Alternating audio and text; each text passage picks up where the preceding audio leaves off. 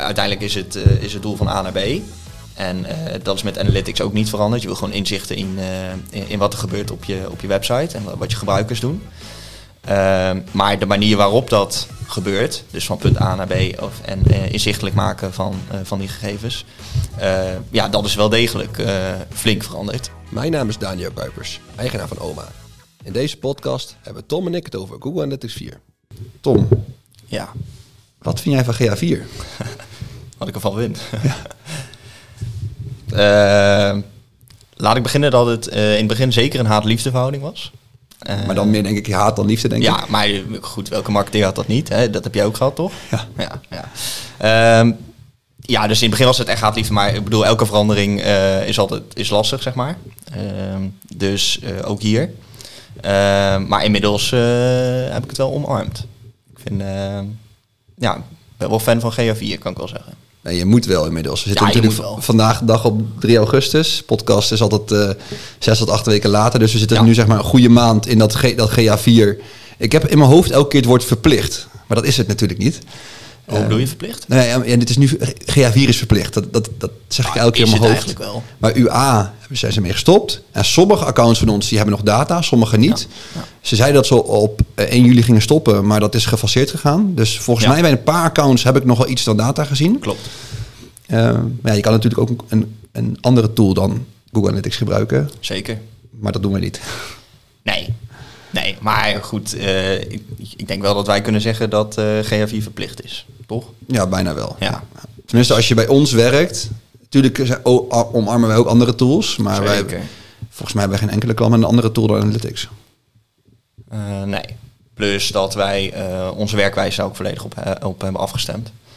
Eh, dus combinatie met Tag Manager, met eh, ads, eh nou ja, het verleden dan eh, Optimize, wat nu wat minder wordt. Ja, dat is gewoon daarin geïntegreerd, zeg maar. Ja. En waar kwam die, eh, die haatverhouding dan? Die haat richting GA4 dan? Ja, haat is dan misschien een Ja, groot woord. ja, het is maar... een groot woord, maar ik denk dat het vooral zit in eh, eh, alles was anders. Compleet anders. En in UA wist je natuurlijk precies de weg. UA is natuurlijk Universal Analytics, oude Analytics. Ehm, daar wist je precies de weg. Dus dan was je met drie klikken waar, je, waar je wezen moest, zeg maar. Ja, en als je dan, ehm, zeker als je een beetje druk bent en zo, in, in, in, in een nieuwe eh, analytics tool moet duiken en je moet daar je weg in vinden, dan is dat soms wat lastig. Zeker omdat ook niet alle statistieken zeg maar één op één overeenkomen. Ehm, dus ja, dat, dat bracht wel wat uitdagingen met zich mee. Ja, herkenbaar. Bijvoorbeeld een bounce die verdwenen was. Want dat was Ja. ook aan het begin van, van GA4. Heel veel functionaliteiten ontbraken ook nog. Dus dan wilde hij iets gaan doen. Dacht, ja, dit instellen heeft bijvoorbeeld gewoon geen zin, want het kan nog niet. Ja, Ehm, en ik merk ook dat verandering vinden we natuurlijk allemaal niet leuk als mens. Zijn er überhaupt, denk ik, verandering. En heb jij, heb jij en ik er nog wat meer last van volgens mij dan, eh, dan anderen. Omdat we ook echt gewoontedieren zijn. We doen Ja. dingen graag op routine. ja, Ehm, en dat is SEO natuurlijk ook zo. SEO is natuurlijk ook een stukje routine. Routine inbouwen dat je de juiste dingen doet. ja. Maar ik herken het inderdaad wel. En, eh, wat ik veel om mij heen merkte is... ik heb mezelf echt gedwongen om ermee om te gaan... door dat e-book te schrijven. schrijven. Ik had een GA4 e-book die als goed is, als deze uit is... ook bijna weer vernieuwd is. Ja. Dat is wel grappig om mijn GA4 e-book eens erbij te pakken... hoe erg GA4 alweer verschilt met toen. ja heel erg. Ja. Ehm, Dus ga hem ook zeker niet lezen om te denken dat je wat kan leren... want alles is achterhaald. Ehm, maar het was gewoon een heel groot verschil... waardoor heel veel mensen niet de noodzaak hadden om, om over te stappen. Klopt. En bijna iedereen is ook pas overgestapt op het moment dat ehm, GA4 verplicht werd Ja. en, en UA ondersteund werd. Niet meer, niet meer ondersteund werd. Ja, ik weet niet hoe jij daar tegenaan kijkt, maar ik heb echt gemerkt, zeg maar, want eh, iedereen was een beetje naar eh 30 juni aan het, aan het toeleven. En dat de laatste twee, drie maanden daarvoor, dat toen, ehm, toen in één keer de urgentie kwam. Toen Ja. hoorde ik heel veel en iedereen roepen, ja, je moet nu over, nu over. Terwijl ehm, eigenlijk had die urgentie zeg maar een jaar geleden al gemoeten, want dan heb je ook jaar op jaar data, et cetera. Dus eh, ik merkte heel erg dat die in één keer schoten ook alle cursussen voor GA4 en zo schoten eh, als paddenstoelen uit de grond. Eh, maar eigenlijk was die urgentie er al veel eerder. Zeker. Zeker om alles goed in te stellen. Maar goed, dat heb jij ook. daarvoor heb jij ook dat e-book geschreven. Jij was geloof ik de eerste, of niet? Ja, volgens Nou mij in, in de wereld was er nog niet iemand die een e-book over GA4 had geschreven. Wel een, een checklist-achtig iets. Mhm. Ehm, niet dat ik mezelf op de borst wil kloppen, maar ik heb dat juist gedaan om mijn eigen ontwikkeling ook te stimuleren. Van ja, ik, Ja. ik moet wel alles weten. En ik wil gewoon dat het team alles leert. Dus ik heb inderdaad iets van 15 handleidingen geschreven over hoe voeg je iemand toe. Hoe voeg je een IP-adresfilter toe? Hoe voeg je een conversie toe? Hoe voeg je... Nou, alles heb ik gedaan en daar heb Ja. ik gewoon één e-book van gemaakt. Doordat als je hem in principe leest, je de echte basis kent. Dus het is ook echt Ja. een basis e-book. Er stond ook niks in over verkenningen. eh, weinig over rapporten aanpassen. Het ging echt over de basis hoe je ja, GA4 onder de, onder de knie kon krijgen. Ik ben dan wel benieuwd. eh, dat was natuurlijk zeg maar de eerste stok achter de deur voor jou om eh, echt kennis te maken met GA4. Maar hoe heb jij er dan voor gezorgd dat, dat GA4 jou helemaal eigen werd? Door dat, dat, dat, dat neemt gewoon tijd in beslag. Ja, ja ik moet- deed me een beetje denken aan de tijd toen ik eh tagmanager ging leren. Toen ik klaar was met mijn studie op 1 juli 2018 en ook volledig voor mezelf begonnen, ik kan me nog heel goed herinneren als je mijn eh, scherm op mijn monitor had, had ik helemaal rechtsboven met dingen die ik graag wilde leren. En er stond tagmanager als, als eerste. En in 2018 vond ik dat er heel weinig toepasbare kennis is, was, Ja. over tagmanager. Ehm, en dan heb ik het inderdaad over hoe voeg je iemand toe? Hoe koppel je analytics? En natuurlijk had je een aantal gasten die een hele uitgebreide cursus hadden, maar dat ging over variabelen en weet ik veel wat. En waarvan ik dacht, van, ik, ik snap die, die basics niet. Ja. De- daar deed de, de GA4-tijdperk me ook aan, aan denken. Dus ik ging gewoon zelf stoeien. Dus eerst instantie voor oma, voor hobbyprojecten. Ja. Nou, gewoon dingen, dingen proberen, nou, dingen afkijken. Ehm, nou, en op een gegeven moment zie je dat GA4 wat meer ehm, nou, gebruikt werd. Zie je con-collega's van ons, een paar specialisten wat dingen over schrijven. Denk, ja, ja, dit had ik eigenlijk ook uit, uitgezocht. Want het is geen rocket science. Nee, is het ook niet. Um, Maar eh, wat ik persoonlijk heel erg merkte is dat het... eh, wij kregen op een gegeven moment zeg maar, klanten ook waar we nieuwe eh, analytics voor op gingen zetten. En op een gegeven moment hebben we gewoon de beslissing gemaakt... oké, we doen geen UA meer daarnaast opzetten, alleen maar GA4. En dat is wel, dan word je in een positie gedrongen waarbij je gewoon wel moet. Ja. En dat, dat heeft voor mij heel erg geholpen. Ehm, maar ik vond dat wel een gevecht. Jazeker, bij ons zag je ook zeg maar, twee, twee golven. Ehm, de eerste golf was dat we überhaupt GA4 voor iedereen gingen instellen. Ja. Met het idee van, oké, we willen het zo vroeg mogelijk opgezet hebben, zodat we veel mogelijk data hebben. En de tweede golf was inderdaad toen, eh, zeg maar, GA4 ehm, eigenlijk je verplicht, of sorry, Google je eigenlijk verplicht om een GA4 aan te maken. Mhm. En dat je dan door middel van dat vinkje en dat tandwieletje Ja. nog wel UA kon, eh, kon maken. Maar toen hebben wij gezegd, dat gaan we niet doen om Ja. ons te forceren. En want dat is wel ook een belangrijke. GA4 bestaat al sinds oktober 2020. Ja, dat is lang al, hè? Ja, en wij zijn uiteindelijk voor allen, want dat was volgens mij nog iets van een beta-versie, uit mijn hoofd gezegd. Pin me er niet op vast. Ja. Maar in januari 2021 hebben wij voor alle klanten toen alles ingesteld. Ja. Dat betekent dat wij dus van 2021, 22 en nu, nu 23 al data hebben. Ja. En ik kom nog regelmatig partijen tegen die GA4 nog niet hebben staan. Wat ik sowieso bizar vind. Ja, dat vind ik ook.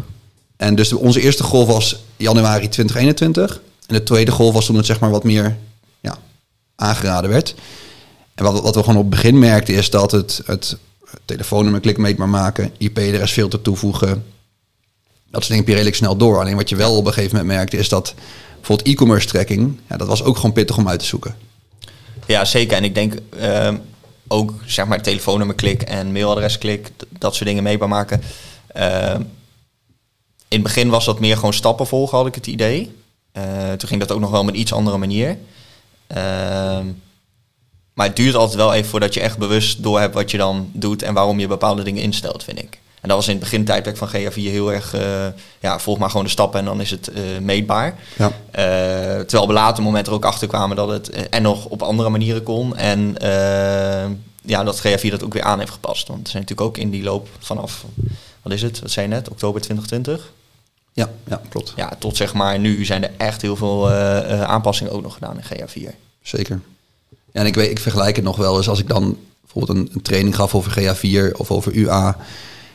En ja, ik kan UA eigenlijk dromen. Bijvoorbeeld een Ja. telefoonnummer klikmeetbaar maken. En tagmanager kan in mijn ogen dicht, dan weet je precies Ja. ik moet klikken. Het kost me Ja. 30 seconden. En dat heb ik met GA4 gelukkig nu ook. Maar dat was inderdaad wel, wel even wennen. Ehm, maar inmiddels ben ik wel heel erg blij waar, waar GA4 nu staat. Ik heb nog wel wat verbeterpunten. Ehm, Wel- Welke zijn dat? Ehm, nou, een van de dingen waar... Dan ga ik eens één stapje terug. Er zijn een paar dingen ook gelanceerd de afgelopen maanden. Eh een daarvan is het, het kanaalgroepering, Ja. de fault channel grouping.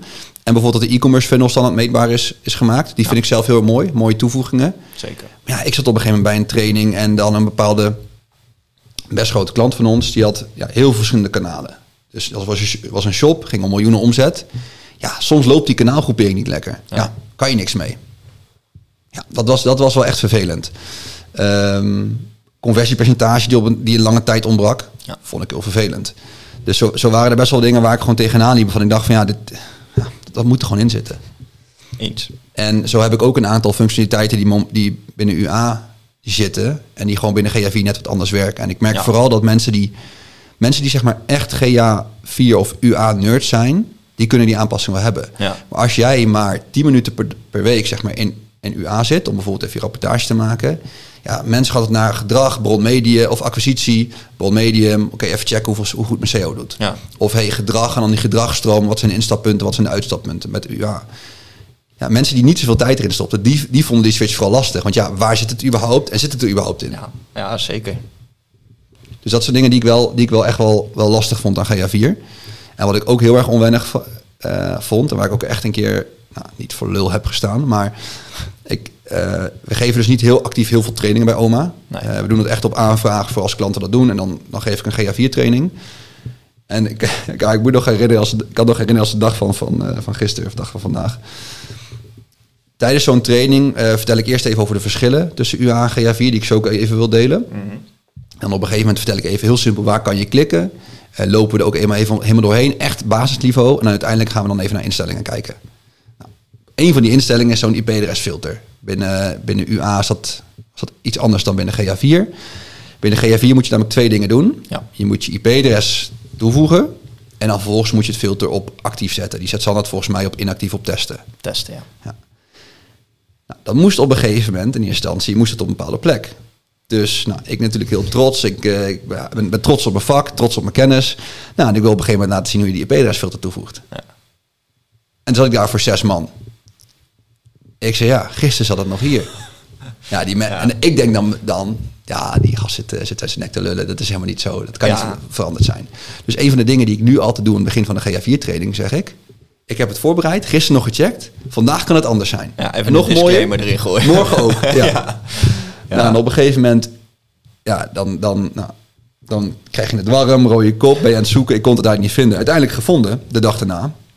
Maar ja, eh, je hebt nu gegevens, eh, stream, en dan moet je dan ergens tag-instellingen beheren. Dan moet je nog een keer Ja, doorklikken. En dan, kan je, en dan kan je hem uitklappen en daar kan je hem vinden. Ja. Dat vond ik wel heel erg vervelend. Eh, maar inmiddels komen er, worden dat soort dingen niet meer aangepast, heb ik het gevoel. Volgens mij ook niet. Sinds zeg maar de laatste grote switch van ehm, dat ze al die instellingen onder het tandwieltje hebben gezet, onder de eh, hoe heet dat? Hey, tag-instellingen beheren. Ja, Ja. nou ja, dat, dat is volgens mij de laatste echt grote eh, visuele aanpassing geweest. Eh, Ik denk dat, denk dat ze nu niet heel veel aanpassing mee gaan doen. Nou, ik, denk, ik hoop alleen dat ze nog heel veel dingen gaan toevoegen. Dat wel, uiteraard. Want zullen we eens daar wat, wat over vertellen, Tom? Over de verschillen van GA4 en UA? Want ik denk dat... Ja. Ik, denk dat ehm, ik vind het ook leuk om te filosoferen over waar GA4 heen kan gaan. Mhm. Ehm, nou, worden nieuwe functies toegevoegd. Ik heb natuurlijk wel tips. Maar ik denk dat het even goed is om die, die verschillen uit te leggen. Ja, En, ehm, want onderaan de streep is GA4 natuurlijk een, eenzelfde soort tool. En de vergelijking die ik altijd gebruik en het makkelijkst blijft plakken... is het verschil tussen een, een, bijvoorbeeld een Golf uit 1994... Mhm. Volkswagen Golf... en een Polestar... Terwijl ik mijn auto gekocht. Eh, een Polestar zeg maar uit 2021 of 2023. Ja. Dat is eigenlijk mijn vergelijking. Altijd als ik GA4 en UA vergelijk. ja, En ik zeg altijd, onderaan de streep is het allebei een vervoersmiddel. Het is allebei een auto. Dus het brengt je van A naar B. ja. GA4 of UA, het is een meettool. Het geeft je inzicht. Alleen de manier waarop, het bouwjaar is verschillend, materiaal is verschillend, maar elektriciteit versus benzine, onderhoud, veel bewegende onderdelen, weinig bewegende onderdelen, accupakket. zeker. Zo moet je ook echt de, de verschillen tussen UA en GA4 zi- zien. Onderaan de streep is nog steeds het vervoersmiddel wat je kan brengen waar je heen wil. Maar de manier hoe, hoe naar cijfers kijkt, die, die verschilt gewoon heel erg. Dat is eigenlijk altijd mijn... Ja, als ik zeg maar mijn tante moet vertellen op een, eh, op een verjaardag eh, wat het verschil is, dan gebruik ik die. Ja, ik denk dat dat een mooie vergelijking is, want eh, zeg maar, wat je ermee wil bereiken is niet heel veel veranderd. Zeg maar hetzelfde als die, die, die eh Volkswagen Golf, wat jij zegt, en die Polestar. uiteindelijk is het, eh, is het doel van A naar B. En eh, dat is met analytics ook niet veranderd. Je wil gewoon inzichten in, in, in wat er gebeurt op je, op je website en wa- wat je gebruikers doen. Ehm, maar de manier waarop dat gebeurt, dus van punt A naar B of, en inzichtelijk maken van, van die gegevens, ja, dat is wel degelijk flink veranderd. En wat mij betreft in positieve zin. Ehm, ja, mis- misschien kun jij beginnen met wat, wat jij de, de belangrijkste wijziging vindt tussen eh, UA en GA4. Ja, ik vind het ook sowieso positief. En natuurlijk kan je zeggen, ja, maar met een elektrische auto kan je niet tanken en kan je misschien niet lange ritten maken. Zeg maar, dat soort reacties heb je ook met GA4 en UA. Tuurlijk. En dat- dat komt ook omdat het nieuw is. Zeker, zeker. Ja, ik, ik heb voor mezelf eigenlijk een aantal verschillen. En die vertel ik ook altijd in zo'n training. Dus ik vertel eigenlijk alles wat ik in een training vertel, waar je normaal dus eh pakweg 1000 plus euro eh, voor vraagt. Die, eh, die geef ik nu ook gratis weg. Het er- goed mensen. Ja, pen en, pa- pak pen en papier erbij snel. Ehm, een van de belangrijkste, als het gaat over wetgeving, is AVG GDPR. Ja. In principe is Analytics 4 volledig AVG-proof. Eh, want je kan bijvoorbeeld je data verwijderen. Ja. Ehm, de instellingen zijn ook anders. Dus ehm ja, cookie-duren, dat soort dingen, heeft allemaal mee te maken. Ja, in principe worden er zeg maar, met standaardmeting, dus dan even Google eh, Signals eh daarbuiten gelaten, volgens mij geen eh, third-party cookies afgevuurd. Klopt, en ook niks wat herleidbaar is naar een. IP. En die IP Google Signals is wel een belangrijke, die kan je aanzetten. Ja, die zetten wij ook altijd aan. Wel met de disclaimer, pas je privacy policy en je cookiebot of cookie banner even aan. ja, Ja, Google Signals is een extra cookie die gewoon wat extra informatie verga- eh, verzamelt Ja. over leeftijd, locatie en nog een paar dingen. ja, interesse ook. Ja. Ja. Al moet ik wel zeggen, ik vind persoonlijk die cookie niet, niet heel erg spannend, zeg maar. Het is niet alsof je hele diepgaande data volgens mij daarmee leegtrekt. Nog niet, maar ik zie wel de potentie daarvan, zeg maar. Zeker. Dus dat, eh, en wat bijvoorbeeld een handige is, eh, eh, hij brengt ook die interesses in kaart van, van de mensen die op, jou, eh, op jouw website zitten. Eh, die kun je bijvoorbeeld weer inzetten voor je, eh, voor je, voor je ads. Eh, Maar voor je denk- doelgroep is het wel handig. ja, en ik denk dat dat nog wel eh, verder uitgebreid gaat worden. Maar voor nu is het inderdaad niet heel bijzonder. Klopt. Dus het is inderdaad die Google Signals belangrijk.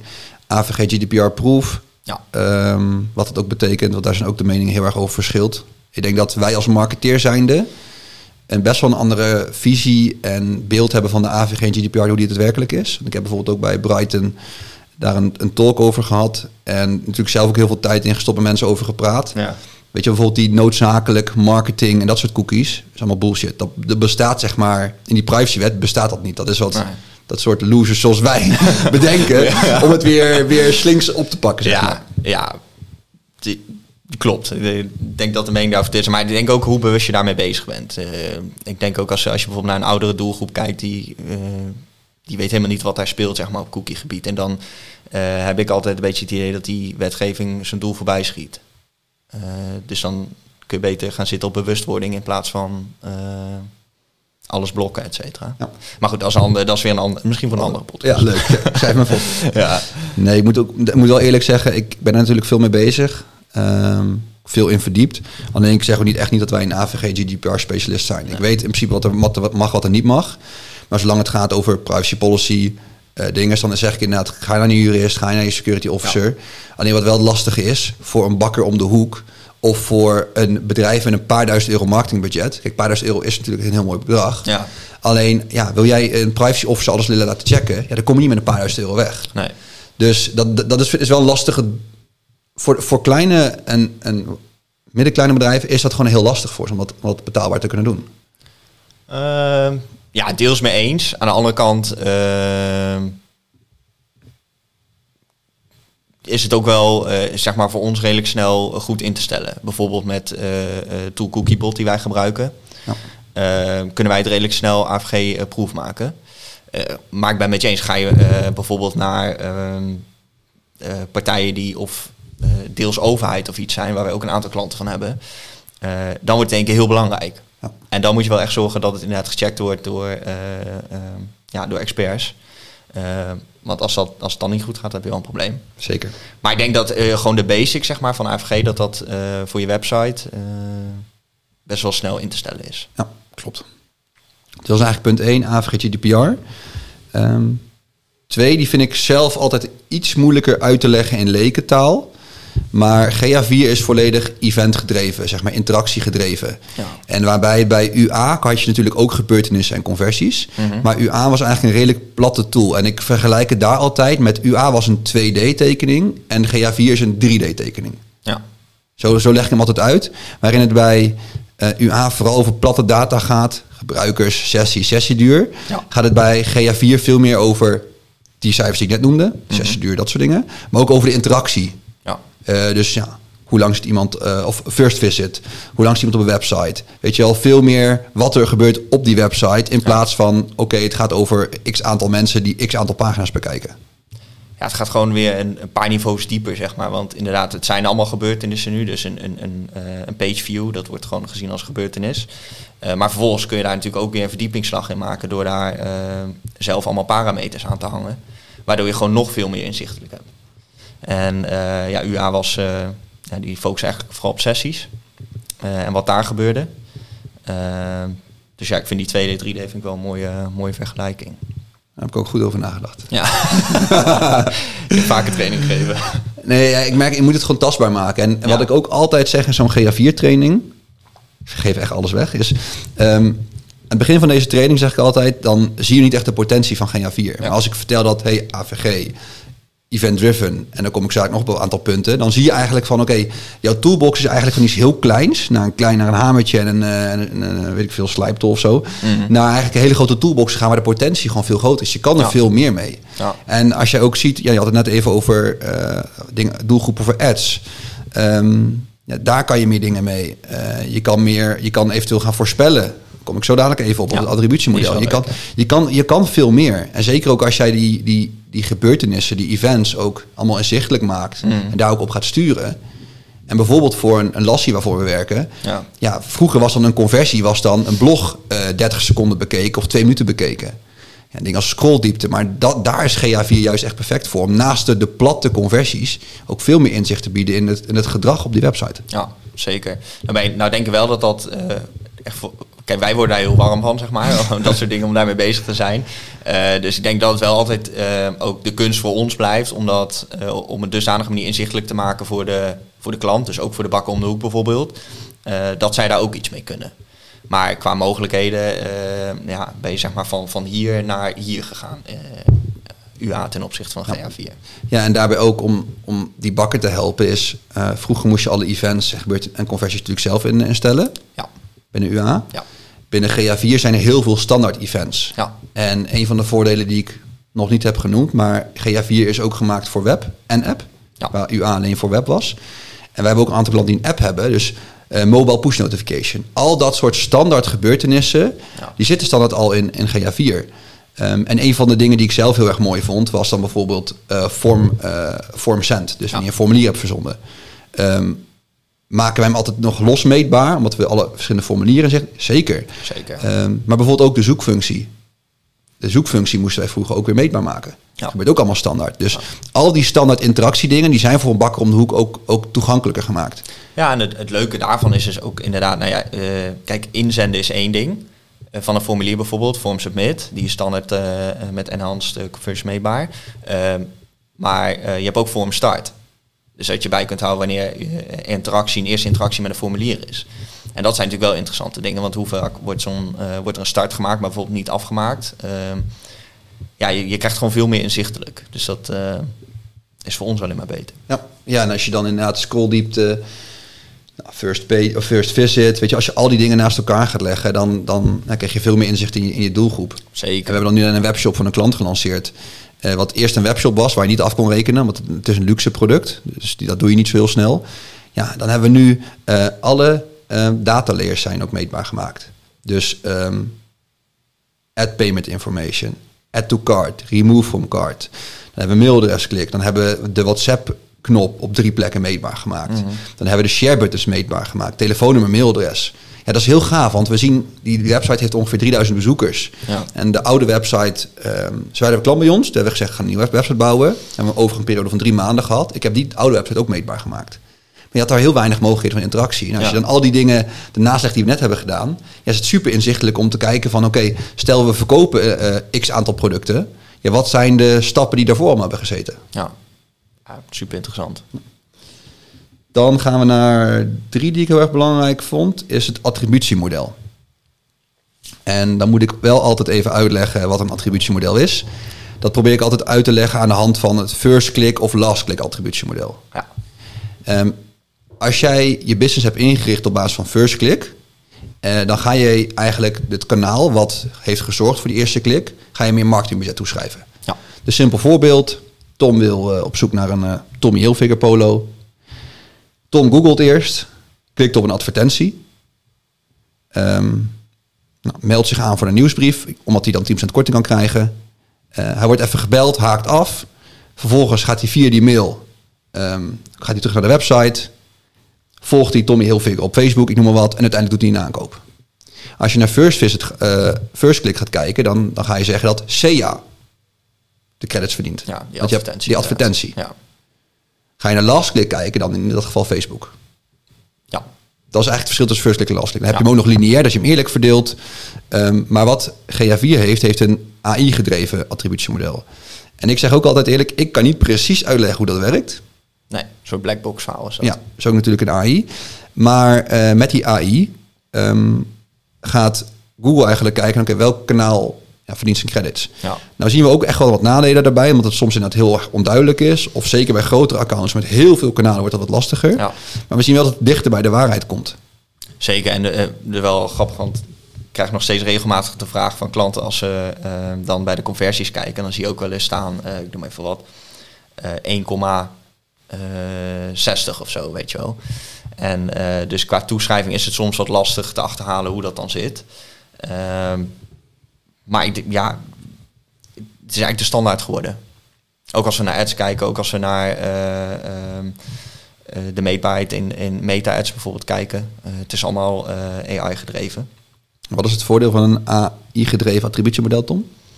Het voordeel, nou ja, dat, ja goed, dat mogen dan, moeten we dan even aannemen, maar dat het, zeg maar, elk kanaal in, in, in het conversiepad de juiste toeschrijving krijgt. Dus op het moment dat, eh, dat, dat we organisch ons werk doen, maar ook eh paid, dus betaald, ehm, daarnaast nog een stukje social ads bijvoorbeeld, ehm, dat elk van onze werkzaamheden eh, de juiste toeschrijving krijgt en de juiste credits ook krijgt. Mhm.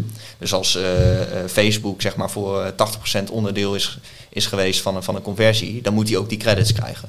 Ja. En dus ook die, die eh, conversiewaarde. Nou, hetzelfde geldt voor de andere kanalen. Dus eigenlijk kunnen we uiteindelijk eh, ook naar de klant toe ons werk veel beter inzichtelijk maken. Dat is denk ik het grootste voordeel. Ik weet niet of je dat met me eens bent. Nee, zeker. Ja, ik was even snel aan het typen, want ik bedacht me net echt een knijter goede titel voor deze podcast. Eh, en die moest ik opschrijven. Dus die, eh, Nee, kijk, die kanaaltoeschrijving moeten we naar deels natuurlijk wel ja, een beetje ja, een korreltje zout en voor lief nemen misschien. Ja, maar ik denk dat wel dat die beter is. Maar daarnaast zijn er nog een paar dingen die ik altijd wel interessant vind, dat AI-gedreven attributiemodel. Ehm, Google zegt zelf dat ze ook dus gaten in de klantreis kunnen opvullen met het AI-gedreven attributiemodel.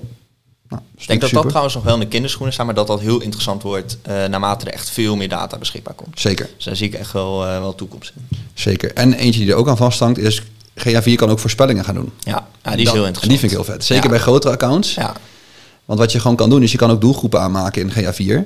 Mensen die waarschijnlijk gaan kopen binnen zeven dagen. ja.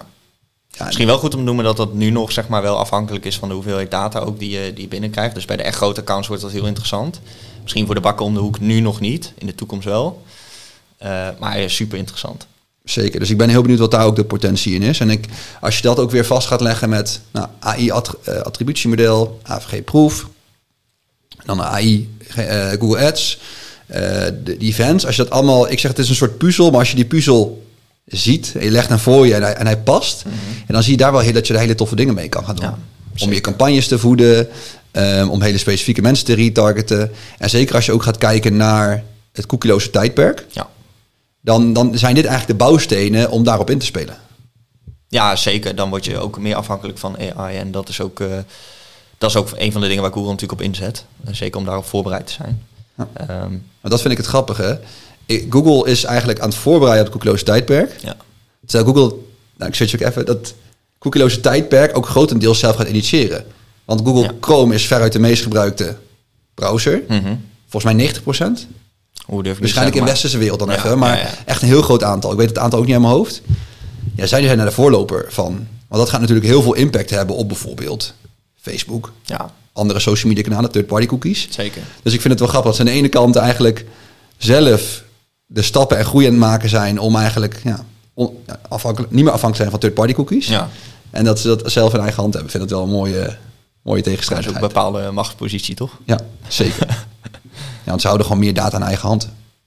Verwacht jij daar nog hele gekke dingen, zeg maar? Nee, ja, ik ben, ik ben wel heel benieuwd, want dat cookieloze tijdperk hangt natuurlijk vooral af met wat Chrome gaat doen. Ja. Eh, je ziet natuurlijk wel dat Safari en dat soort dingen ook stappen aan het maken is. Mhm. Met, ehm, of Apple eigenlijk moet ik zeggen. Ook met de mail, weet je dat alles niet meer eventueel meetbaar is. Ja. Nu was het vorige maand, of twee maanden geleden al, dat ze het over de, de UTM's gingen hebben. UTM's kun je natuurlijk ook mee tracken. Dat Ja. dat ook waarschijnlijk niet meer ondersteund gaat worden. Dan hoorde ik iets van custom UTM's. Ja, dat- weet je, dat soort dingen die spelen wel. En ik denk wel dat het goed is om als marketeer zijnde ehm, na te denken over, en dat zeg ik ook veel tegen klanten en mensen die ik spreek. Ja, wat als? Wat als jij geen third-party cookies meer kan gebruiken? Ja. Weet je, hoe ziet je strategie dan uit? Ja. Als je nu volledig afhankelijk bent van paid, van Facebook bijvoorbeeld, of van Meta, ja, dan heb je geen goede strategie. Nee. Denk ook nou over je SEO, denk nou over een podcast, denk nou over, een, een simpel voorbeeld, podcast, heb je een of andere snippet tool. Kan je die snippets verspreiden over alle, reel, over alle verticale content, dus alle reels en TikTok bijvoorbeeld. Ja. En YouTube Shorts, ja, weet je, je, moet- je, moet, je moet mee. Ja. Ja, nee, mee eens inderdaad. En het is wel belangrijk dat je dan eh, voorbereid bent op wat komen gaat. En eh nou zijn er natuurlijk wel oplossingen voor, nu al. Eh Surfside tagging, et cetera, waarbij je eigenlijk gewoon van je third party, first party maakt. Even Mhm. heel, heel kort door de bocht natuurlijk. Die is misschien wel even goed om aan te halen, denk ik, want ik vind die wel heel belangrijk. Je bedoelt Surfside tagging? Ja, want ik heb, ik heb ook een hele goede uitleg voor, mag die ook eh, doen? Ja, zeker. Ik ben heel benieuwd. ga jou het ding overnemen. Nee, wat ik, wat ik altijd uitleg is als het over server-side tagging gaat, is. Ehm, heb ik ook een soort leken uitleg voor bedacht. Wat er momenteel gebeurt is, jouw website communiceert eigenlijk met de browser. En mensen die de podcast luisteren kunnen dit niet zien, maar weet ik niet op de camera wel. Je website communiceert eigenlijk met de browser. En je browser communiceert dan eigenlijk weer met de server. Ja. Eigenlijk een soort 1, 2, 3 stap. En wat je met server-side tagging eigenlijk doet, dat je website direct communiceert met de server.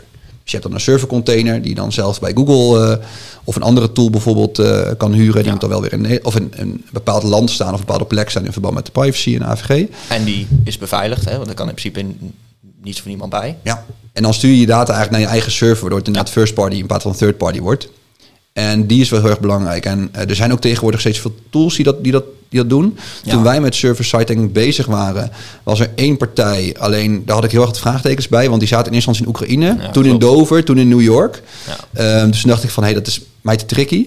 Ehm, en ik weet dat er inmiddels ook een Nederlandse partij is, maar daar hebben we nog niet mee gewerkt. Maar wij hebben altijd inderdaad gewoon met een eigen opzet gewerkt. We hebben dan eh, in eerste instantie freelancer voor ingehuurd. Die is ons erbij geholpen. En we hebben dat voor eigenlijk onze grootste klanten al staan. Ja, Ehm, dat is eigenlijk wat server siting doet, waardoor jij dus niet meer afhankelijk bent van die browser. Dus als die browser zegt, wij accepteren het niet meer, dan kan je toch wel een soort, soort van omweg doorheen. ja, Dat is echt de uitleg. ja, zeker. En zeker als je eh, over eh, bijvoorbeeld veel, eh, een partij bent die veel met meta-ads doet, eh, daar grote budgetten in stopt, eh, ja, dan is server-side denk ik eigenlijk wel een must. Zeker, als je die Facebook Conversion API gebruikt op si- server siting, zien we dat dat tussen de 5 en 25 procent meer data Ja. kan, kan hebben en dat de toeschrijving beter wordt. Dus Ja, als jij net flinke budgetten hebt, nou stel je hebt eh, 2.000, 3.000 euro meta budget. Ja, server siting, je hebt natuurlijk, je betaalt ongeveer 50 euro per maand voor die server, afhankelijk van hoeveel bezoekers je hebt. Ja, Het instellen kost je afhankelijk met wie je doet ongeveer een dag. Ja. En wij vragen ook een dagwerk voor en we zien dat collega's het ook doen. Nou, keer, keer ons uurtarief. En dan heb je eigenlijk binnen één of twee maanden, nou, moet ik wel goed met het, afhankelijk van je budget, kan je het binnen een maand al eruit hebben. En anders Ja. is het twee of drie maanden heb je het al uit. ja en dan ben je ook nog eens voorbereid op de toekomst. Eh, precies, in zekere zin. En ehm, ja, zeker als je met flinke budgetten werkt, dan eh, wil je zien wat eruit komt. Eh, dan is het gewoon een must. Zeker. Beetje water bijvullen. Ja. Ehm, dat vond ik zelf de drie belangrijkste. Het oude logo nog, dus het nieuwe logo komt er binnenkort aan. Als je de podcast volgt, heb je die als het goed is in de podcast hiervoor al wel gezien, want eh, daar had ik hem, eh, had ik hem al aan. Oeh, stay tuned mensen. Dan had ik nog een paar andere voordelen van, van GA4. ja, Eh, het is veel makkelijker te customizen. Ja Dus groot voordeel. Ja, rapporten zijn volledig in te richten. Ja. Waarin je vroeger de opzet niet kon aanpassen, kan je nu inderdaad de grafieken aanpassen en de tabellen. Je Ja. kan de dimensies en de waardes aanpassen. Dat kan als jij naar een rapport gaat rechtsboven het pennetje of het eh, potloodje. En dan kan je gewoon zelf je gegevens bepalen. Bijvoorbeeld de totale inkomsten, die staat bij alle accounts er. Ja, Nou, ben je in een B2B, ja, daar heb je natuurlijk helemaal geen, geen interesse in. Dus die kan je gewoon uitvinken. ja. Dus dat vind ik zelf een hele prettige. Ja, dat is heel leuk. Maar ook, eh, ja, eigenlijk hebben ze een soort van een deel van Lucas Studio, zeg maar, een uitgeklede versie in GA4 gestopt. Ehm, wat super interessant is, want wij kunnen op deze manier veel makkelijker ehm, eh, voor onze klanten inzichtelijk maken wat zij precies willen zien. Ehm, dus dat vind ik wel leuk. Zeker in combinatie met verkennen, maar daar zul je zo meteen misschien nog wel op komen. Ja. Ja, dat. Ja, dus, de- dus die rapporten kan je aanpassen. En wat ik ook prettig vind, je hebt zeg maar die vier kopjes. Ehm, die dus was er vroeger was dat doelgroep, acquisitie, gedrag, conversies. Nou, dat soort, soort kopjes heb je binnen GA4 ook. Ja. Maar dat noem je een, ja, een soort bibliotheek. Ja. En wat ik ook gaaf vind binnen GA4, die bibliotheek kan je aanpassen. Dus bijvoorbeeld, stel, ehm, nou, je, zit, je bent marketingmanager en je hebt een MT. En dat MT, daar zit, er zit iemand die een bepaald cijfer of iets heel belangrijk vindt. Ja. Nou, als je dan een GA4 op zoek moest, moest je klikken, klikken, klikken, klikken. Nou, en dan klikte je ergens op en dan had je uiteindelijk je cijfers. Ja. Nou, heel makkelijk. Je kan een eigen bibliotheek aanmaken voor bijvoorbeeld je SEO-tak of je SEA-tak of je e-mailtak.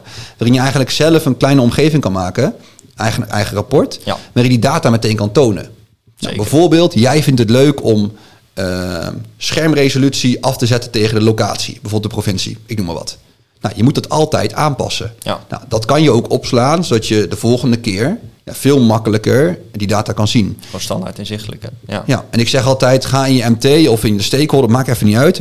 Zet op een rijtje wat iedereen belangrijk vindt. En voeg het toe in GA4, want Ja. dan kan iedereen veel sneller GA4 gebruiken. Heb jij voor de luisteraars nog één rapport waarvan je zegt, ja, zeg maar, die moet je standaard toevoegen. Die zitten niet zeg maar, standaard in, maar die moet je echt aanmaken of daar moet je iets voor customizen.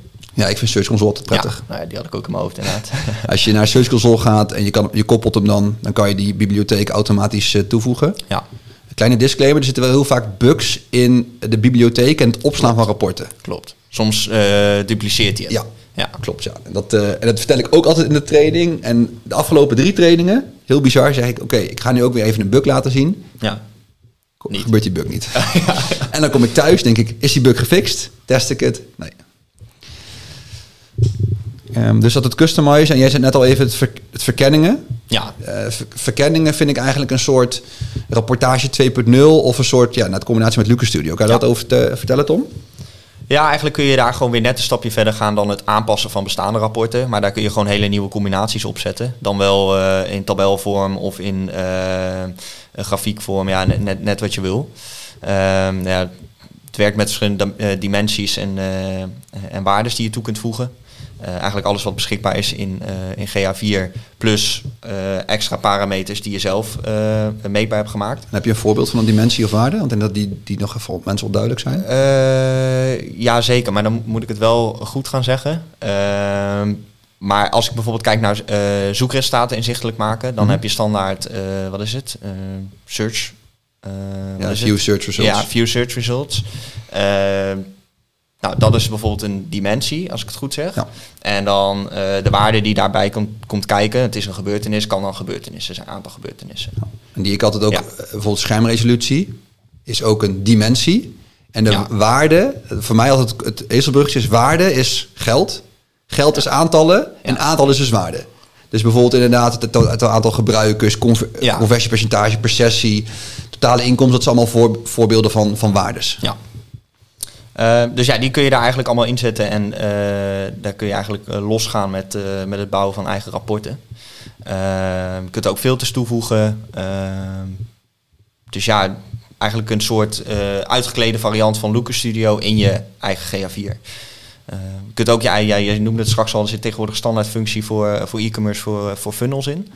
Maar die kun je daar verder uitbreiden en aanpassen. Eh, die kun je bijvoorbeeld daar opsplitsen in eh, eh, wat het doet per land, zo'n funnel. Dus als je de stappen hebt, view item, add to cart, purchase bijvoorbeeld. Dan kun je zien dan wat dat per land doet of per, per, mo- per Apparaat, Ja, per apparaatcategorie. ja, dus ja, eigenlijk kun je zo gek maken als je zelf wil. En dat is ook gaaf, zeker als je als marketeer, dan wel freelancer of agency, je kan ook een aantal eigen set verkenningen af uitdenken. Dat hebben wij bijvoorbeeld ook gedaan. Inderdaad, voor de dingen die jij net noemde, dus conversiepercentage en die funnel voor mobiel, desktop, tablet. Maar ook inderdaad eh, iPhone 12 Pro, bla bla bla. Maar ook inderdaad locatie en schermresolutie. Ja. Dat is zo krachtig, want in één oogopslag zie je van... hé, hey, wij kwamen bijvoorbeeld bij één, één klant erachter... dat een bepaalde schermresolutie resolutie op desktop... een gigantisch laag conversiepercentage had, nagenoeg nul. Ja. En je opent hem, denk je, ja, logisch, die knop valt buiten beeld. Ja. Nou, Ja. easy fix. Ja, ja, zeker. Ja. Dus ja, de verkenningen, ik zeg altijd in mijn GA4-trainingen... ik verwacht niet dat je er heel veel mee gaat doen... omdat ehm, het toch wel wat lastiger is. Begin lekker als je begint met rap- rapporten. Mhm. Maar later, zeker ook als je met custom dimensies en custom statistieken of custom waardes wil gaan werken. Ja. Dus echt als je er wat meer, wat meer bedreven in bent, ja, dat wordt het wel heel erg gaaf. Ja, en ik denk het misschien wat het grootste voordeel is, is dat we eh, normaal, eh, we zetten nog steeds gewoon standaard de Lucas Studio op met alles wat de klant daarin wil zien. En dat, eh, dat, is, dat is natuurlijk maatwerk. Ehm, maar met, die, met de komst van het aanpassen van die rapporten en verkenningen kunnen we eigenlijk alles, nou, niet alles, maar het grootste gedeelte binnen eh, Google Analytics 4 houden. Wat voor, voor onze klanten heel fijn is, want ehm, zeker als ze wat minder onderlegd zijn in die wereld, dan is die switch maken elke keer best wel lastig. En eh, nu heb je alles binnen GA4, wat wil zeggen dat je Search Console data erin kunt zien. Ehm, wij kunnen wat aangepaste rapporten aanmaken. We kunnen een verkenning voor ze bouwen van bepaalde statistieken die ze willen zien. Ehm, dus dat, is gewoon, dat werkt gewoon heel fijn. Ja, ja, dat is een goed voordeel. Nou, daar heb ik nog helemaal niet over nagedacht zo.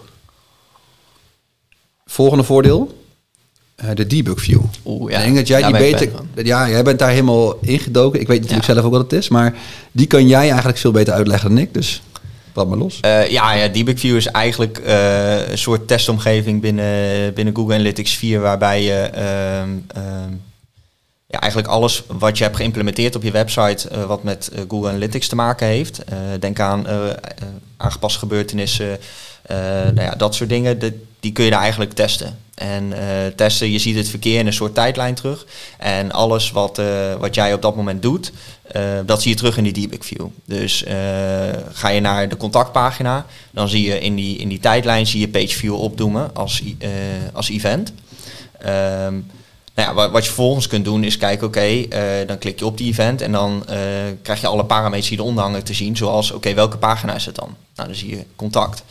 Ehm, nou, wanneer is dat nou echt handig? Ja, wij stellen altijd conversies in voor de klant en dan willen we zeker weten dat die conversies goed binnenkomen en dat die aantallen ook overeenkomen. Dus wat we dan doen is, we stellen dat bijvoorbeeld in de tag manager. Eh, dat wordt een gebeurtenis in eh, GA4. Eh, dan gaan we naar debug view, testen we dat. En als dat bijvoorbeeld een klik op telefoonnummer is, dan, ehm, ja, dan hitten we die. Dan zien we dat terug in debug view. Dan zie je dat ook netjes terugkomen als, eh, als gebeurtenis. En eventuele extra parameters die we meetbaar hebben gemaakt, bijvoorbeeld eh, een page location eh, of een klik URL, die testen we dan ook gelijk, omdat we dan gelijk kunnen zien of dat goed binnenkomt in GA4. En ehm, ja, je gebruikt hem echt om te debuggen dus. Dus eh, Ja. ja. ik ben daar echt fan van. Ja, dus voor, voor ondernemers zou het niet zo interessant zijn, marketeers wel. Ja, zeker. En hoe ik het altijd vergelijk is, ehm, voor marketeers, die zijn wel bekend met de voorbeeldmodus van Tag Manager. Mhm. En eigenlijk is debug view de voorbeeldmodus van GA4. Zo zeg ik het eigenlijk altijd. Ja, en die is wel leuk, want die werken ook samen. Ehm, die debug view kun je op twee manieren activeren binnen GA4, dus niet standaard. Eh, dat kan door in je configuratietag in Tag Manager ehm, een extra parameter toe te voegen, debug laagstreepje mode en dan waarde true. Eh, maar hij wordt ook Doe je dan bij, bij je tag in de Ja, bij je Manager? configuratie tag Ja. in, eh, in Tag Manager van GA4. Ehm, maar hij wordt ook standaard geactiveerd op het moment dat je de voorbeeldmodus ingaat in Tag Manager. Dus eh, meestal gebruiken we die. Ehm, dus op het moment dat jij je voorbeeldmodus activeert in Tag Manager, ehm, zie je dat verkeer terug in je GA4 debug view. Ja. En dan ja, heb je hem eigenlijk twee in één, want je kunt dus in Tag Manager je, je aangemaakte tags eh, eh, testen. En in, eh, in GA4 Debug View kun je gelijk testen of die aangemaakte tags goed doorkomen in Analytics. Ja, want dat was bij UA wel dat een nadeel. Je, wat ik altijd deed is je begint met Tag Manager. Of sorry, je begint met je website. Voeg je Tag Manager toe. Ja. Dan ging je altijd op zoek van oké, stel ik klik op het telefoonnummer. Wordt alles goed doorgeschoten in de voorbeeldmodus. Nou ja, dan, dan klopte dat. Ja. En dan denk je van oké, dan klopt die. Dan ga ik hem inderdaad eh, met, met een eh, tag en trigger instellen en helemaal versturen. En dan in Analytics kwam die dan niet binnen. En dan was het altijd zo van oké, dan ga ik altijd één stap terug terug naar de tekentafel. Gaat die goed in Tag Manager? Ja, oké. Heb ik mijn website goed gecheckt? Ja, dat klopt. Oké, dan ga ik hem opnieuw proberen. Die laatste schakel ontbrak altijd. En nu Ja. met die debug view kan je ook echt zien waar het daadwerkelijk dan fout gaat. Ja, zeker. En eh, wat ik al zei, je kunt ook alle parameters die eronder hangen, die kun je ook checken. Dus je, eh, ja, je zou zeggen, het kan bijna niet meer fout gaan. Mooie, mooie toevoeging. En dan heb ik nog twee voordelen van GA4 ten aanzien van UA. Eentje heb ik al genoemd, maar het aantal standaard events is vele malen hoger. Ja.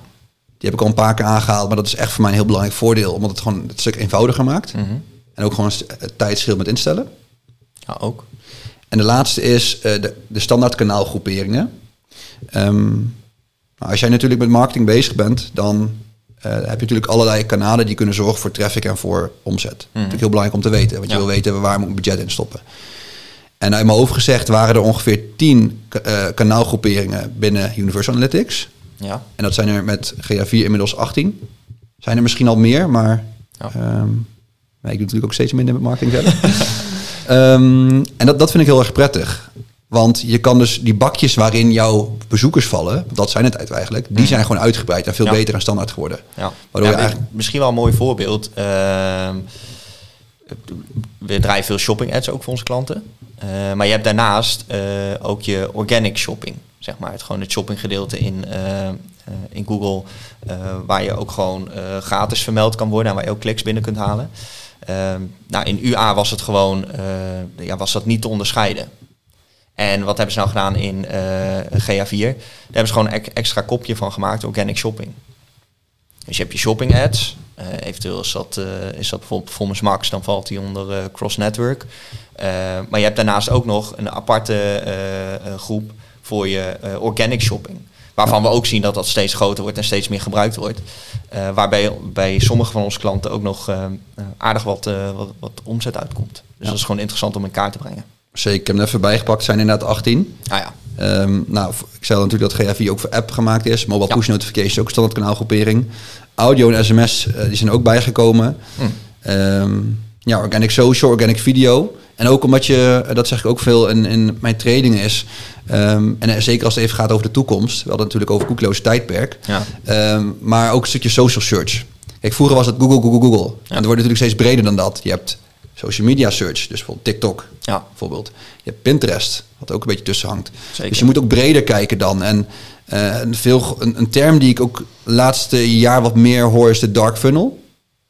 Oh, die ken ik niet. En dat gaat met name dus bijvoorbeeld, nou, stel je hebt een tof artikel, dan deel je hem in een groepsapp met vrienden. Ja. Of ik, zoals gisteravond, ik zie een toffe update van een of andere PageSpeed guru, screenshotje in de groepsapp. Nee, stuur hem door. Ja. Nou, dat, dat, dat is echt de meest basale vorm van een dark funnel. Maar natuurlijk als je ook met content bezig gaat, en nou, ik ben bijvoorbeeld ook met snippets bezig, kan je op allerlei plekken verspreiden. Ja. Ja, weet je, dat, dat zijn ook allemaal verschillende kanalen om, om traffic te genereren. Zeker. En het is wel fijn als dat ook weer op de juiste manier in, in GA4 te zien is. Ja, ja.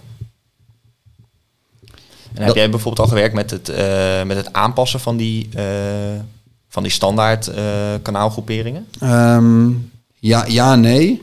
Ja, ik heb het uitgezocht. Alleen met, met, name, ik denk met name dat als je de, de UTM goed instelt, dat je Mhm. eigenlijk altijd wel, wel goed mee uitkomt. Ja. Maar zeker met het oog eh, op de toekomst, wat jij straks al aangaf, als UTM ooit verdwijnt of zo. eh, nou, dan wordt het wel een interessante. En ik denk dat het vooral voor, voor grote spelers interessant is, toch? Ja, ja zeker. Dit heeft geen zin als jij onder de 10.000 bezoekers Nee. hebt. Zeg maar. En ook niet geen, eh, geen tonnen of 10.000 euro's draait. Want eh, kun je kort toelichten wat, die, zeg maar, wat je aan kunt passen met die kanaalgroeperingen? Ja, je, kan- je kan eigenlijk gewoon heel simpel, je kan ervoor zorgen dat iets in een ander bakje eigenlijk valt. Of je kan een, een kanaalgroepering aanpassen. Dat is eigenlijk het eh, belangrijkste. Ehm, dus ik verwacht wel dat dat steeds belangrijker gaat worden. Mhm. Maar aan de andere kant zie ik ook dat het hele trackingverhaal minder wordt. En dat is bijvoorbeeld al met Facebook. Je hebt in-app, je hebt in de browser. Als je dan bijvoorbeeld op een advertentie klikt, opent die de app. Of weet je, je hebt zoveel verschillende varianten. Ja. De knop onderaan de advertentie of de link boven. Het is, op zo- zoveel manieren komt het binnen. Ja. Dus ja, aan de ene kant denk ik dat we er steeds meer grip proberen te krijgen. Mhm. En dat er meer mogelijkheden zijn. Andere denk ik wel dat de grip wel langzamerhand verdwijnt. Ja. Dat is mijn visie. Ja. Waren dat voor jou de belangrijkste voordelen voor, eh voor GA4, Tom? Heb jij er nog een aantal? Ik denk dat, dat, dat ze wel zijn. Denk het ook. Ik ben alleen nog wel benieuwd wat voor jou eh, de gro- het, grootste voordeel is, zeg maar. Waar, waar ben jij het meest enthousiast over? Oeh, zit ik nog even naar mijn lijstje te kijken. Ja, ik word het meest enthousiast van het attributiemodel. Mhm. Maar ik denk niet dat dat de meeste impact gaat maken. Voor, voor, voor mij slash voor onze klanten. Ja. ja. Omdat het echt voor grote klanten interessant is. Waar, ja, waar ik vooral benieuwd naar ben. En ehm, daar komen we misschien ook een beetje over een stukje filosofie in de toekomst van GA4. Is waar, waar, kan, waar kan je met GA4 heen gaan? Ja. Als je even de, alle vergelijkingen of alle metaforen erbij pakt die ik heb uitgelegd. De elektrische auto, de eh 2D naar 3D. Ja. Dan, ja, dan, dan kan je met GA4 straks veel meer. En natuurlijk gaat Google Optimize eh, wordt, wordt eruit geschopt. Vanaf 1 september, 30 september. 30 volgens mij. Ja, volgens mij 30, ja. Even met de korreltjes zout. Ja, ik zie het voor me dat als jij... Je hebt nu het gebruikersgedrag. Je hebt nu AVG GDPR. Ja, hoe tof zou het zijn als... als uh, Google gaat zeggen, ja, maar die Optimize, daar, dat gaan we een soort drie branden of dat gaan we omkatten. Ja. Want het kan nu binnen GA4. Want het is AVG-proef. Uh, misschien met een visuele editor om dingen aan te passen. We hebben alle data. We kunnen voorspellingen doen wat beter gaat doen. Ja. Ik, ik zie het misschien wel voor me. Dat, dat was mijn ultieme doel. Binnen Google Ads kan je natuurlijk die, um, die aanbevelingen automatisch accepteren. Mm -hmm. Ik, in een van mijn sessies dat ik gewoon nadacht over waar kan je met GA4 heen. Als een soort AB-testing tool in GA4 zou, zou komen dan zou zo'n functie ook kunnen. Ja. Want GA4 kan zelf AB-test gaan baseren. Zeker als, als al die websites dat hebben, hebben ze heel veel data. Zeker. Dan weet je wat het beste werkt. Komt AI weer om de hoek kijken. Komt AI weer om de hoek kijken. Die kan voorspellingen doen, Ja. wat beter werkt. Nou, en dan, dan kan je dat vinkje aan laten staan. En dan waarschijnlijk volgende week als je kijkt, kan je website anders zijn. Maar het werkt wel. En dat... Ik heb echt, dit is, dit is echt ne- letterlijk nergens op gebaseerd. Ik heb geen artikel gelezen dit, dit ondersteunt. Dus gewoon puur mijn eigen gedachten. Maar daar word ik vooral enthousiast van. Want ja, waar kan je met GA4 in de toekomst allemaal, allemaal heen? Ik denk dat dat voor mij de, de, de belangrijkste is. Leuk. Ja, ik ben, ben heel benieuwd. Ik vind het wel lastig om daar zelf nog een, eh, een visie op los te laten. Zeg maar. Ik denk wel dat AI natuurlijk een hele belangrijke eh, factor gaat spelen in het hele eh, GA4-landschap. Eh, maar misschien wordt het inderdaad ook wel een soort, eh, hoe zeg je dat, supertool van Google of zo. Waarbij Lucas, Lucas Studio misschien gaat verdwijnen en wordt eh, eh, geïntegreerd in GA4. Waarbij Optimize nu gaat verdwijnen, wat straks weer terugkomt eventueel in GA4. Eh, Tag Manager misschien wel verdwijnt. Precies, en dat we dat ook in GA4 kunnen gaan regelen. Ja. Want waarom zou je in de toekomst het klik-mailadres... Elke marketeer die maakt hem waarschijnlijk meetbaar. Ja, De, de, de zoekfunctie meetbaar maken. Weet je, al dat soort dingen. Dat, dat de, de e-commerce zeg maar meetbaar maken. Dat, dat Ja. pad. Dat gaat, zit allemaal in GA4. Waarom zou het mailadres klikken? Waarom telefoonnummer klik? Ja, het is toch... Alles wat zeg maar repeterend is... en alles Ja. wat eenvoudig is, gaat AI vervangen. Ja. Dus tag manager instellen ook. Wij doen het zo vaak voor al onze klanten. klopt. Ja, waarom zou dat ook niet inderdaad... ge- dus ja, dat zou wel een hele mooie ontwikkeling zijn. Ja, maar dan zijn we wel zeg maar, nog meer afhankelijk van eh, Google Analytics 4. Zeker waar. En de vraag is of je dat moet willen. Ja, dat is denk ik ook weer een andere discussie. Ja, die bewaren we nog even. Maar, maar ik ben in ieder geval niet bang voor dat wij deel van ons werk om te vervangen. Want die, die, Oh, nee, die uitspraak hoor ik ook heel veel. Ik had deze week ook een leuk gesprek met iemand. En eh, er zijn heel veel copywriters bijvoorbeeld die er heel bang voor zijn. Hmm. Maar ik zei, en dat, dat vond ik ook wel leuk om te delen, is toen ChatGPT Golf begon, was het eerste wat ik dacht, dacht ik, ik moet een tool maken, Daniel.ai. Ja, En wat die gaat, tool gaat doen, die gaat mij simuleren. Dus als jij naar me toe komt met een vraag, dan gaat die AI antwoord geven. Wat nou als ik ehm, alles opneem wat ik zeg, mijn podcast, al mijn mails in die AI, AI stop. En dat die eigenlijk ja, zich gaat gedragen alsof die ik ben. Dat, dat kan. leuk idee. Leuk idee. Nou, dat, dat gebeurt dus al. Ik heb er wat research naar gedaan. Er zijn er mensen die er best wel veel meer zijn. En toen vertelde een IT'er die, ik- die ik sprak, die zei, ja, dat, er zit in de Microsoft, wordt nu een functie gelanceerd, of die is er al, dat die ook mailtjes voor je gaat typen. Oeh, Dus die, die kijkt wat voor mail er binnenkomt. ja, Nou, die ziet inderdaad, die bedenkt een reactie van alleen maar op, op verzenden te, te, te klikken. ideaal. Ehm, dat vind ik heel tof. Maar aan de andere kant dacht ik ook van ja, hoe vet is als je als copywriter een AI-tool hebt, die eigenlijk met een paar drukken op de knop al je research kan doen. Ja. Doelgroep, USP's, pains, gains, ehm, alles. Dan, dan kan AI misschien jouw werk veel makkelijker maken. Maar ook nog toffer, wat nou als je dat Daniel.ai-concept gaat combineren met zoiets als voor een copywriter. Waarin jij al jouw teksten kan inladen, Ja. al jouw research kan inladen en dat hij dat proces in een minuut kan doen. Ja, Ja, dan kan je als copywriter veel sneller werken. En zo zie ik ook zeg maar, de ontwikkeling van AI voor marketeers. Het creatieve stuk wordt gewoon belangrijker. oh, 100% eens. En we kunnen het gewoon veel sneller doen. Ja, en dat zie je nu ook al in ads gebeuren. Je ziet dat het creatief gedeelte veel belangrijker wordt. Natuurlijk ook de eh, eh, naast de meetbaarheid. Maar eh, kijk maar naar eh, het pushen van video en display. Eh, dat wordt binnen ads ook eh, veel makkelijker gemaakt. Ook om het zelf op te zetten. Maar het wordt ook een gro- groter onderdeel van, ehm, eh, van Google Ads. Bijvoorbeeld met Performance Max. Eh, dus ja, ik denk dat het creatief gedeelte zeker heel belangrijk gaat worden. Ja, ja dus die repeterende hand. Ik denk al de middelman die wordt eruit gesloopt. En hetzelfde met, eh, je hebt misschien mijn clips wel op, eh, op YouTube gezien, op YouTube Shorts, op, op de Reels, TikTok.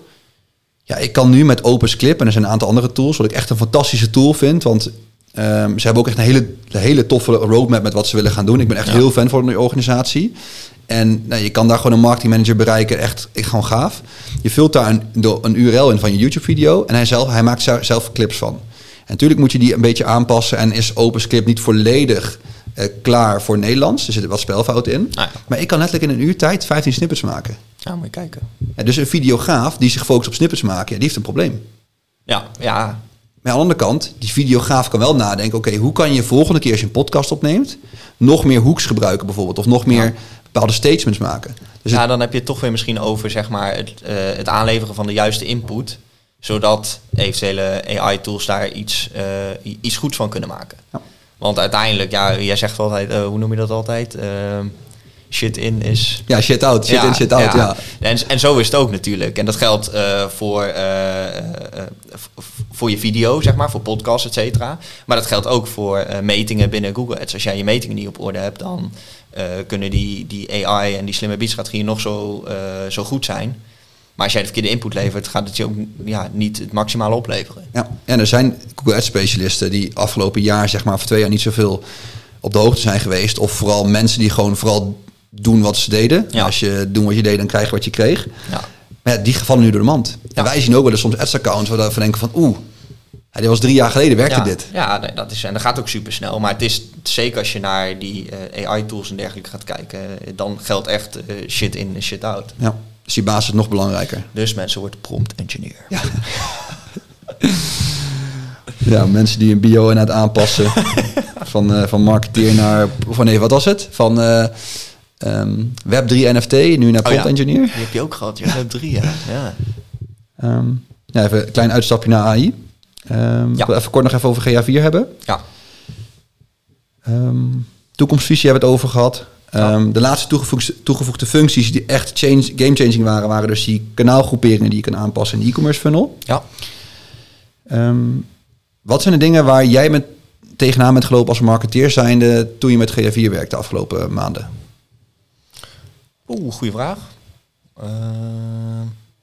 Eh, ja, als dan ook kijken naar eh, wat ik terugkreeg van klanten, was vooral eh, eh, zeg maar dat, dat, dat vastgeroest zitten in UA en dan bepaalde statistieken daar kunnen vinden die gewoon of niet meer bestonden in, in GA4 of anders worden vormgegeven. Ik had bijvoorbeeld laatst met een klant die wilde graag zien gewoon een grafiek met bezoekers per week.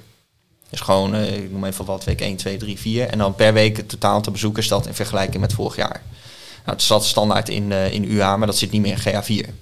En dat zijn van die kleine dingen waar je dan tegenaan loopt, waar je iets anders voor moet bouwen. Of eh, eh, aan moet passen.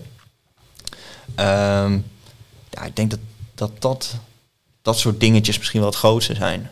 Ja.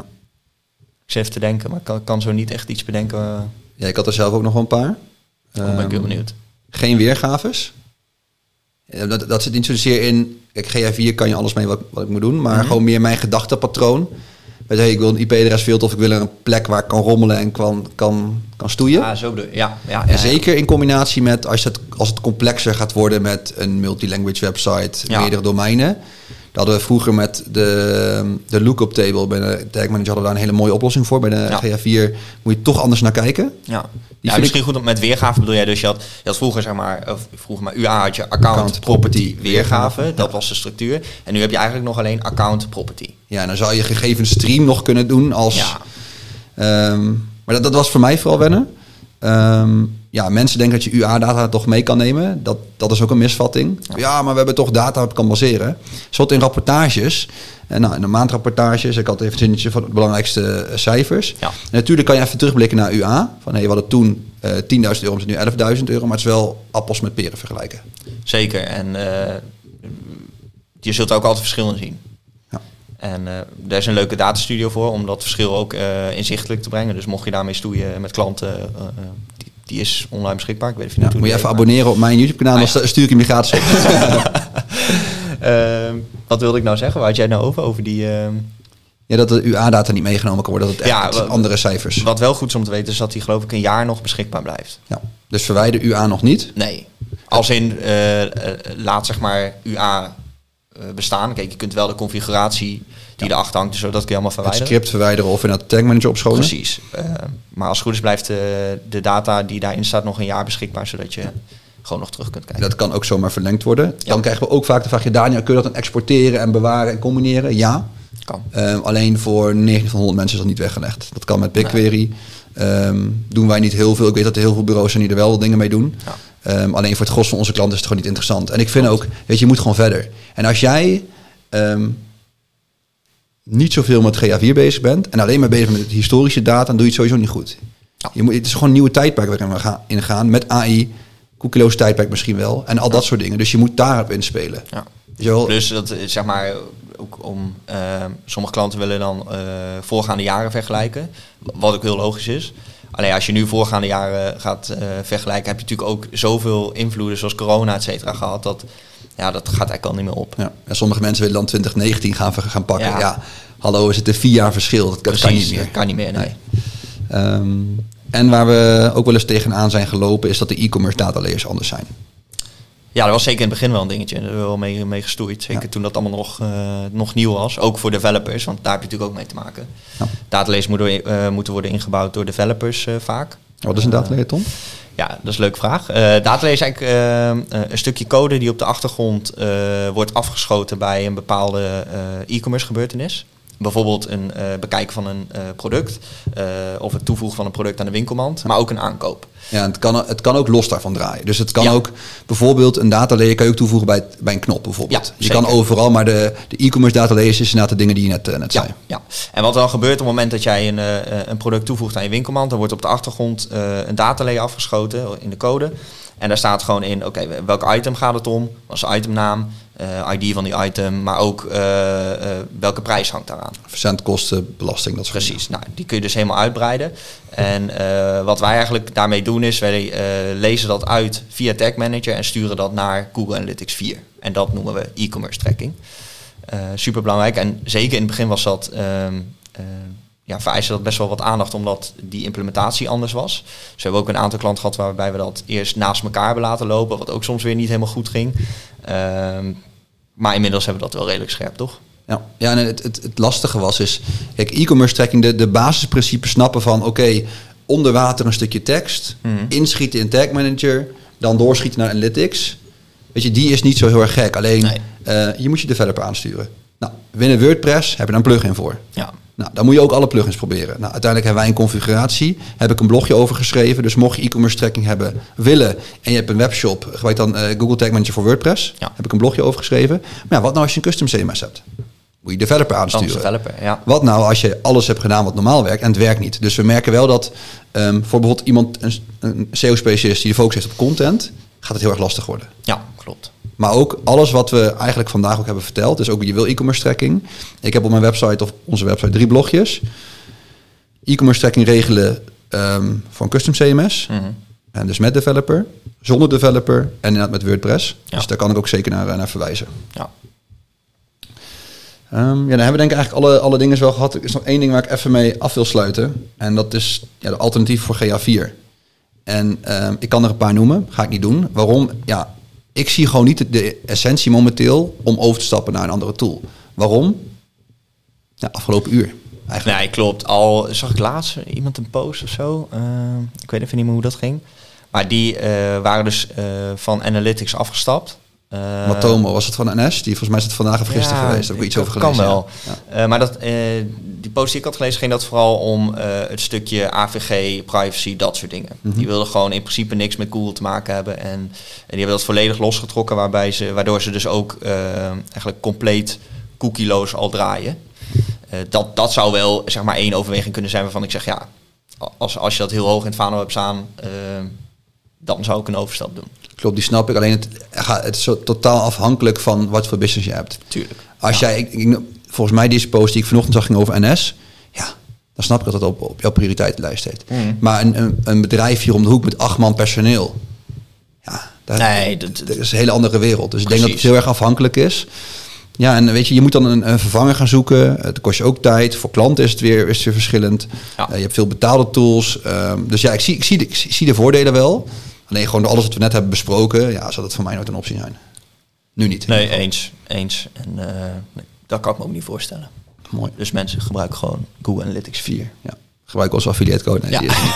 Ehm, ja, dat is afsluiter. Eh, mocht je meer willen weten over GA4, ehm, bekijk dan even onze website, onlinemarktac.nl. Genoeg blogs over te vinden. Genoeg blogs, die zijn ook allemaal net geüpdate. En waarom? Er komt dus een nieuwe GA4 e-book versie aan. Oeh, leuk. Ehm, daarin ga ik het niet hebben over de, de toekomst van GA4, dat niet. Het gaat Nee. echt over de basics, dus hoe voeg je iemand toe.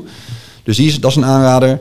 Eh, mocht je nog echt een hele specifieke vraag hebben voor Tom of voor mij, stuur ons dan even een, linkje, een eh, DM op, eh, op LinkedIn of iets. Vinden we ook leuk, kunnen we ook weer blogs over schrijven. Precies. En dat is voor ons ook leerzaam, want we denken een hoop te weten, maar we weten ook dat we allebei eigenlijk heel weinig weten. Precies, precies. Ehm, dus ehm, bedankt voor het luisteren en tot de volgende keer. Deel, like en subscribe. En abonneer op YouTube. Ook. Doei. Bedankt voor het luisteren naar de Daniel Kuipers podcast. Mocht je dit een toffe podcast vinden, volg dan mijn Spotify playlist, abonneer op mijn YouTube kanaal of deel hem met vrienden. En wil je meer weten over OMA? Ga dan naar onlinemarketingagency.nl.